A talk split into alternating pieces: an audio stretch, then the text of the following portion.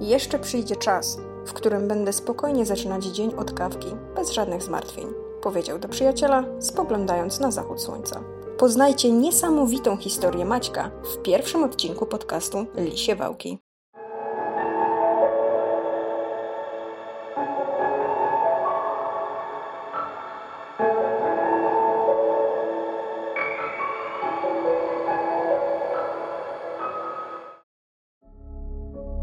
Maciej Chrzanowski urodził się w 1991 roku na Górnym Śląsku, a dokładnie w Czeladzi. Tam też uczęszczał do szkoły podstawowej i gimnazjum. Nauczyciele, którzy go uczyli, szybko zauważyli u niego talent do przedmiotów ścisłych.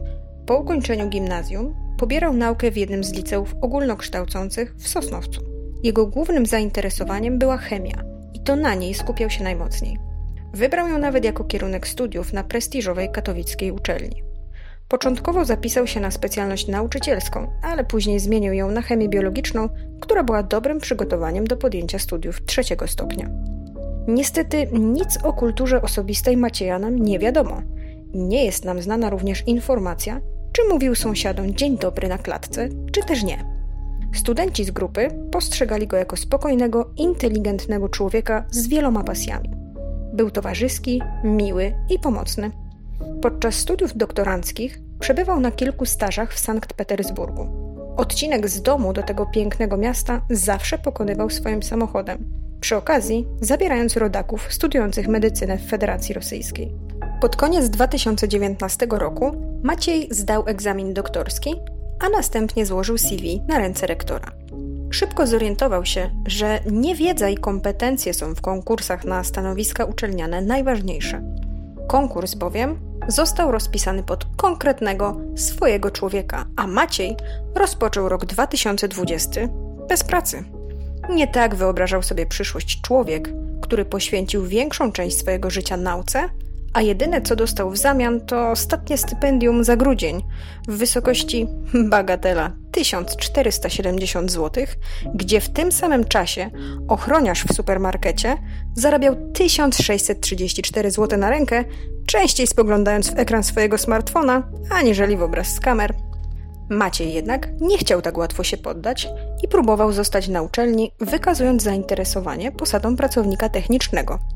Mimo przychylności promotora swojej pracy doktorskiej, nie udało mu się otrzymać nawet tego stanowiska.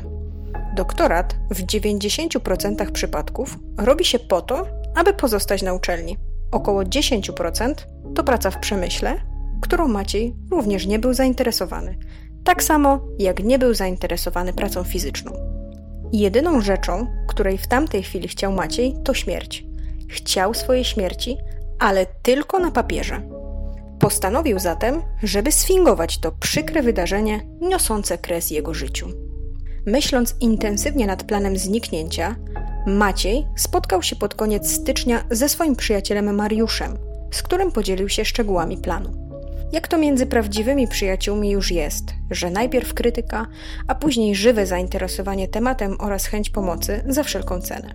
Tak też było i w tym przypadku, a na początku marca plan został ukończony. Wtajemniczone w niego były trzy osoby: Mariusz, przedsiębiorca i przyjaciel Macieja, jego narzeczona Gabriela, a w ostatnim etapie również Michał, lekarz medycyny pracujący na stałe w Rosji, którego Maciej poznał podczas jednej z podróży do Sankt Petersburga w 2017 roku. Michał był wtedy studentem czwartego roku medycyny. Panowie nierzadko spotykali się towarzysko i do późna dyskutowali przy suto zakrapianym stole. Podczas jednej z rozmów Michał napomknął o bardzo ciekawym zjawisku.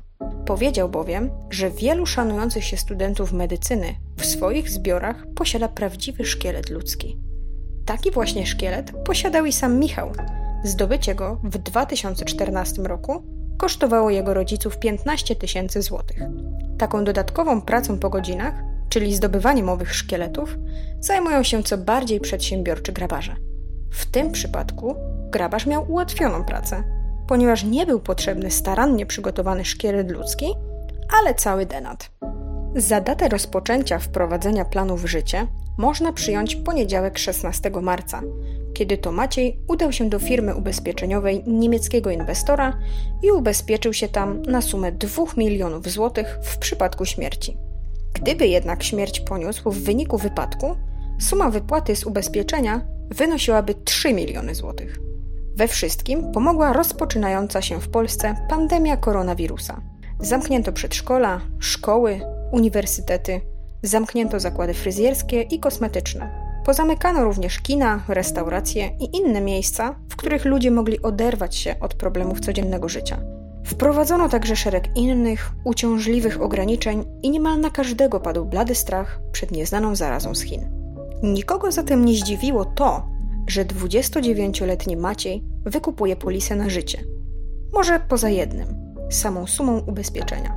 Z drugiej strony, dopiero co uzyskany tytuł doktora nauk chemicznych nie dawał większych podejrzeń co do poczynionego przez niego kroku.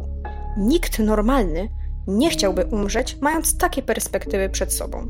Składka ubezpieczenia przy tej sumie odszkodowania wynosiła miesięcznie 10 tysięcy 16 zł, a okres karencji wynosił 90 dni.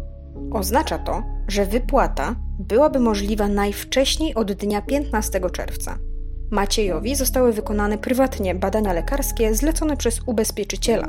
Wykazały one, że jego zdrowie było w normie. Od stycznia 2020 roku do czasu zamknięcia granic nasz bohater dwukrotnie odwiedził Sankt Petersburg, gdzie wcześniej prowadził badania z chemii organicznej. Odwiedziny były poświęcone konsultacji z profesorem Andriejem Fiodorowem otrzymanych wyników w celu ich późniejszej publikacji w czasopiśmie naukowym. Maciej spędził w Rosji łącznie dwa tygodnie, a 15 czerwca udał się tam na kolejny tydzień. Spotkanie naukowe zbiegło się w czasie z tragiczną śmiercią 27-letniego mieszkańca obwodu Sankt Petersburg, który uciekając od problemów postanowił popełnić samobójstwo, dokonując tego przez powieszenie. Człowiek ten posturą, jak i kolorem włosów przypominał Macieja. O tym fakcie poinformował Michała jeden ze znajomych grabarzy, a Michał niezwłocznie podzielił się tą informacją z kolegą. 14 czerwca rano Maciej wyruszył swoim Citroenem C5 w kierunku Federacji Rosyjskiej. Wieczorem tego samego dnia dojechał do Wilna, gdzie po noclegu zaraz z samego rana pojechał do miejsca docelowego. W mieszkaniu studenckim zameldował się wieczorem 15 czerwca, a następnego dnia o 8 rano podsumowywał już wyniki badań z profesorem Fiodorowem na uniwersytecie. Spotkali się jeszcze następnego dnia, czyli 17 czerwca, i tego właśnie dnia profesor widział Macieja po raz ostatni. W tym samym czasie kolega Michał równie prężnie pracował na konto Maćka. Udał się do zaprzyjaźnionego urzędnika państwowego Federacji Rosyjskiej, a dokładniej do Ministerstwa Spraw Wewnętrznych, w celu nabycia nielegalnie wydanego paszportu. Maciej, odkąd wyszedł z uniwersytetu, do samego momentu akcji, a więc do około 23.30, myślał o tym, co będzie go czekać na zajutrz, Nigdy bowiem takiej akcji nie przeprowadzał. Nigdy nie umierał, wiedząc, że tak naprawdę będzie żył dalej. Normalnie pisał z Gabrielą, jak i innymi znajomymi na Messengerze. Ci, co znali Macieja, wiedzieli, że lubi sobie pojeździć samochodem, szczególnie późniejszą porą. Tego wieczoru, jak się później okazało, ostatniego wieczoru Macieja, też tak było. Z notatki policji wynika, że jego auto, Citroen C5, został zatrzymany na trasie europejskiej E18 w miejscowości Gorskaja o godzinie 22.52. Sprawdzono dokumenty oraz zbadano trzeźwość. Około 23.05 Maciej odjechał z miejsca kontroli. Z notatki wynikało również, że kierowca był trzeźwy, a auto sprawne. Nic nie zapowiadało katastrofy. O godzinie 23.37 dyżurny odebrał połączenie na numer alarmowy 112. Jeden z mieszkańców Olgino zgłosił widoczny przy drodze wypadek, opisując, że samochód uderzył w drzewo i płonie. Zdarzenie miało miejsce 4 km od miejsca kontroli policyjnej na trasie między miejscowościami Lisynos a Olgino. W samochodzie znaleziono paszport Macieja, stopiony telefon oraz odczynniki chemiczne. W tym samym czasie Maciej wraz z Michałem udali się do domu tego drugiego w Lakta, niecałe 2 km od miejsca wypadku. Mimo białych nocy, panujących o tej porze roku w okolicach Sankt Petersburga, było widać, że przy głównej trasie co chwilę przemieszczają się pojazdy uprzywilejowane, należące czy to do policji, czy do straży pożarnej, używające sygnałów świetlnych. Po kilkudziesięciu minutach na miejscu wypadku zameldowało się też kilku fotoreporterów dwóch dzienników rosyjskich: Rosyjska Gazeta i moskiewski Komsomolec. Od wczesnych godzin porannych o wypadku pod Sankt Petersburgiem mówiono w telewizji informacyjnej Russia Today. Chwilę przed godziną 12, 18 czerwca 2020 roku, został wypisany akt zgonu na nazwisko Maciej Chrzanowski przez lekarza medycyny sądowej w Sankt Petersburgu. Późnym popołudniem o tym fakcie zostali poinformowani rodzice Macieja, pani Danuta i pan Jacek. Wraz z pomocą polskiej policji oraz polskiego Ministerstwa Spraw Wewnętrznych udało się przetransportować zwłoki do kraju już kilka dni później. 18 czerwca rano Maciej skontaktował się przez fikcyjne konto na Facebooku ze swoim przyjacielem Mariuszem. Umówili się na popołudniową wideokonferencję wspólnie z Gabrielą, którą Mariusz zaprosił do siebie. Maciej do tego czasu nie zmrużył oka nawet na chwilę.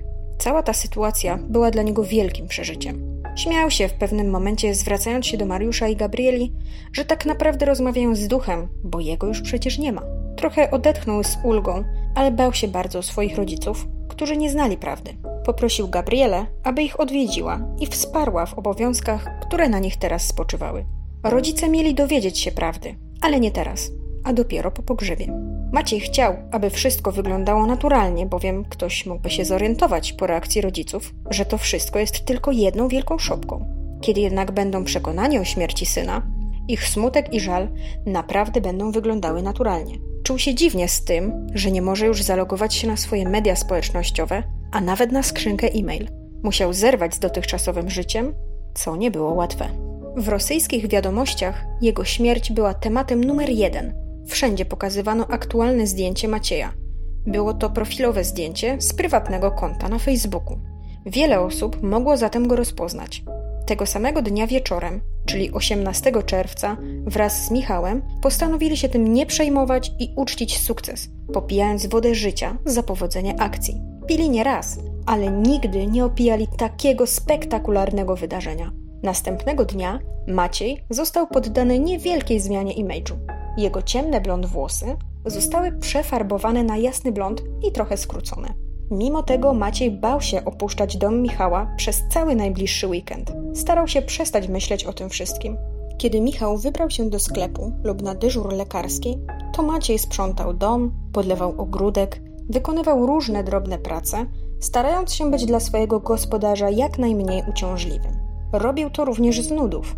Nie mógł sobie tak beztrosko jak wcześniej przejrzeć fejsa, dać komuś lajka czy skomentować jakiś post. W telewizorze miał kanały rosyjskojęzyczne, z których przekaz doskonale rozumiał. Z uwagi na przebywanie w Rosji na stażach naukowych, nauczył się tego języka. Tylko ileż mógł słuchać o sobie? Żeby nie zwariować, wolał wyłączyć telewizję i wziąć się za coś pożytecznego. Dnia 22 czerwca Michał udał się rano do Moskwy po odbiór paszportu na nazwisko Wiktor Sawczenko. Paszporty w Rosji wyrabia się w każdym większym miasteczku, ale tylko w stolicy można uzyskać go w przyspieszonej procedurze. W tym przypadku była ona nie tylko przyspieszona, ale i całkowicie lewa, bowiem wcześniej nie istniał taki ktoś jak Wiktor Sawczenko.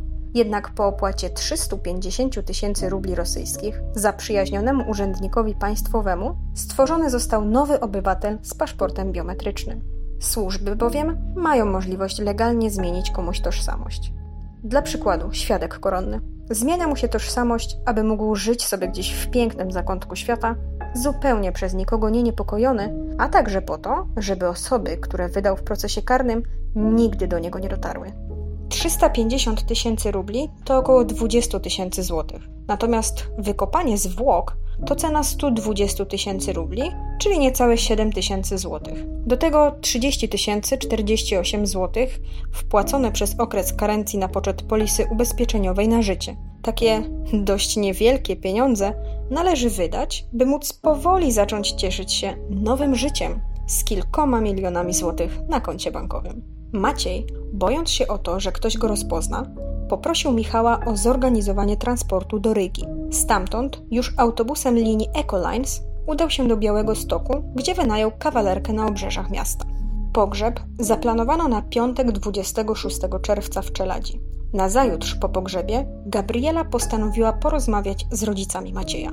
Opowiedziała im o całym planie oraz dodała, że syn jest cały i zdrowy, a obecnie przebywa w Białym Stoku. Rodzice ledwo nie dostali zawału, ale po chwili uspokoili się, bowiem Gabriela połączyła się z Maciejem za pomocą wideokonferencji. Chłopak wyznał rodzicom, że nie zamierzał pracować fizycznie za najniższą krajową do końca życia, a układy i układziki na uniwersytecie przechyliły szale przy podjęciu decyzji. Niestety, przez pierwszych kilkanaście miesięcy nie będzie możliwe ich spotkanie, ale z czasem do tego dojdzie, gdy sprawa już trochę ucichnie. Mimo iż rodzice zupełnie nie pochwalali zachowania syna, to w głębi duszy jednak cieszyli się, że żyje i że będą mogli z nim porozmawiać. To samo tyczyło się Gabrieli. To on dokonał takiego wyboru, ale wszyscy muszą ponieść tego konsekwencje i ograniczyć swoje kontakty do niezbędnego minimum. Od tego momentu rozpocząć się miała metamorfoza Macieja. Miał przytyć i zapuścić brodę, by nie przypominać już swojego dawnego, znanego w całej Polsce wyglądu. 29 czerwca Gabriela z aktem zgonu udała się do firmy ubezpieczeniowej po wypłatę pieniędzy z polisy Macieja. Była zapisana jako jedyna spadkobierczyni tej kwoty. Z uwagi na to, że Maciej poniósł śmierć w wyniku wypadku, wypłacona miała zostać kwota 3 milionów złotych. Plan zakładał wrzucenie tej kwoty na lokatę i obcinanie miesięcznych zysków kapitałowych. Z 1 miliona złotych przy obecnych stawkach oprocentowania możemy otrzymać miesięcznie 3350 zł samego procentu. Przy 3 milionach suma ta wzrasta trzykrotnie.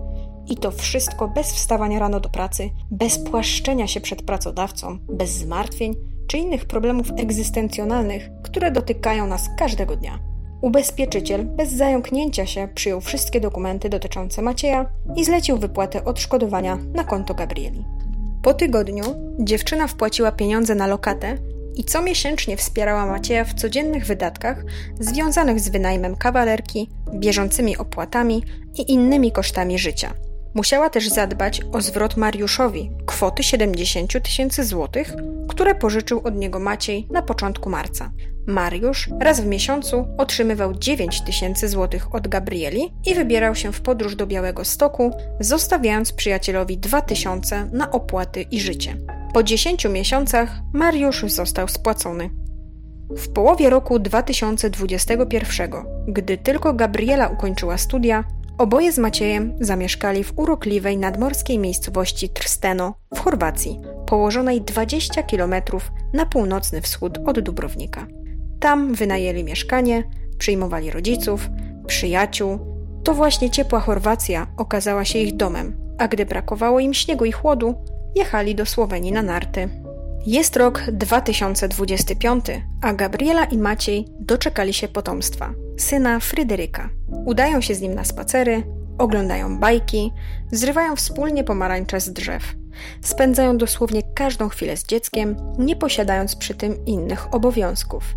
W międzyczasie uczą się intensywnie języka chorwackiego. Jednym słowem, prowadzą wspaniałe, beztroskie życie, o jakim marzy każdy z nas. Niczego im nie brakuje. Żyją na przyzwoitym poziomie, choć czasem tęsknią za swoim dawnym życiem. Nie jest to jednak wygórowana cena. Chwilowa nostalgia często pozwala bardziej docenić to, co mają teraz. Świat powoli zapomina o Macieju Chrzanowskim. Od czasu do czasu wzmianki o jego tajemniczej śmierci pojawiają się na podcastach o tematyce true crime. Maciej, przechadzając się podczas ciepłych poranków deptakami Trsteno, wiele razy myślał o powrocie do Polski po 2030 roku. A to dlatego, że sfingowanie własnej śmierci w prawie polskim nie jest przestępstwem. Z kolei wyłudzenie 3 milionów złotych na podstawie fałszywego aktu zgonu już tak, ale przestępstwa finansowe ulegają przedawnieniu po 10 latach i jednym dniu. Gdyby wrócił w lipcu 2030 roku z Gabrielą i dzieckiem do Polski i starał się o przywrócenie mu starego nazwiska oraz tytułu doktora, to nic z punktu widzenia prawa by im już nie groziło. Maciej mógłby legalnie się o to ubiegać, ponieważ po tym, gdyby ujawnił swoje prawdziwe dane, odpowiednie organy administracji państwowej byłyby zobowiązane do tego, by nie pozostawić obywatela bez danych. Nie można pozwolić, aby był obywatel widmo. Nie jest to zgodne z prawem i na powrót z Wiktora Sawczenki stałby się Maciejem Chrzanowskim. Dokumenty tożsamości dostałby bez konieczności tłumaczenia, co działo się z nim przez te wszystkie lata. Doczekaliby się jeszcze wsparcia dla Fryderyka z programu 500. Jednak to, Czy wrócą, czy nie, nie jest nam wiadome. Jak potoczą się dalsze losy rodziny Chrzanowskich, zależy tylko od Waszej wyobraźni, a my dziękujemy za przesłuchanie podcastu Lisie Wałki. Kolejny odcinek w następny wtorek. Serdecznie zapraszamy. Zbieżność osób i nazwisk użytych w podcaście jest przypadkowa, a sam podcast ma charakter edukacyjny, więc drodzy słuchacze, nie próbujcie tego na własną rękę.